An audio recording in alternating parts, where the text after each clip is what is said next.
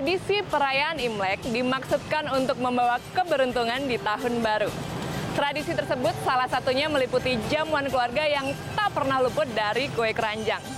Selain melambangkan kemakmuran, manisnya kue keranjang juga menjadi peluang usaha yang manis. Lalu bagaimana manisnya peluang usaha kue keranjang?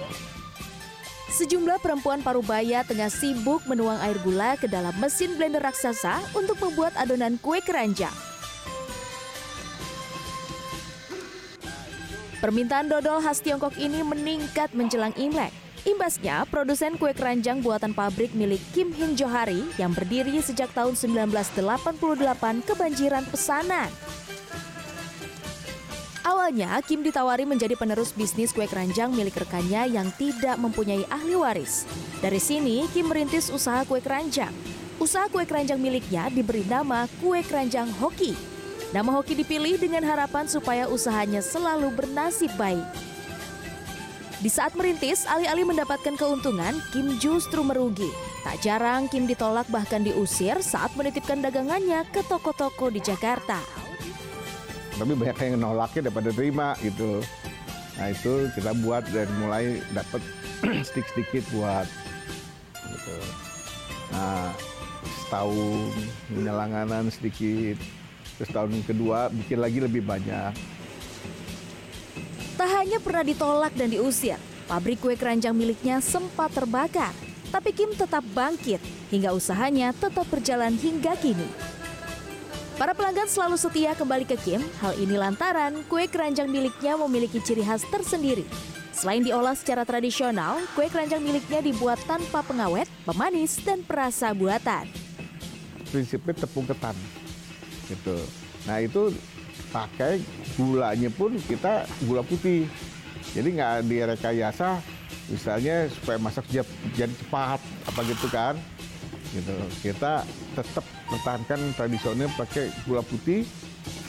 Eh, dan tidak pakai pengawet ya. Tidak pakai perasa. Ya, tidak pakai pewarna untuk memenuhi pesanan, Kim mempekerjakan 60 karyawan dua minggu menjelang Imlek. Proses pembuatan kue keranjang memang cukup memakan waktu yang lama, mulai dari pembuatan adonan hingga proses pengukusan diadon, dicampur tepung ketan sama air gula pakai blender ya sampai rata sampai halus.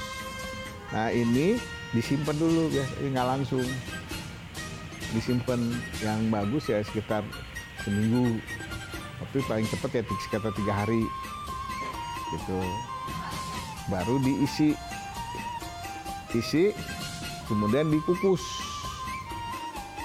Kue keranjang hoki terbuat dari tiga bahan, yakni tepung ketan, gula pasir, dan air. Pertama-tama, gula dan air dimasak sampai mendidih. Kemudian, air gula disimpan di dalam ember dan didinginkan hingga esok hari. Esok harinya, air gula dicampur dengan tepung ketan untuk membuat adonan kue keranjang. Pembuatan adonan dilakukan dengan bantuan blender raksasa Setelah adonan tercampur halus, adonan disimpan selama tiga hari.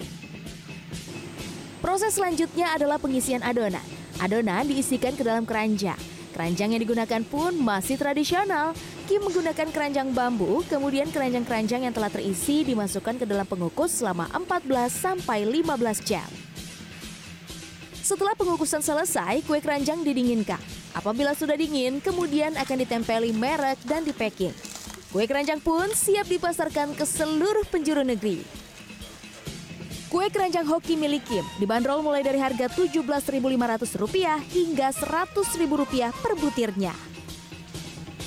Tim Liputan CNN Indonesia Depok, Jawa Barat.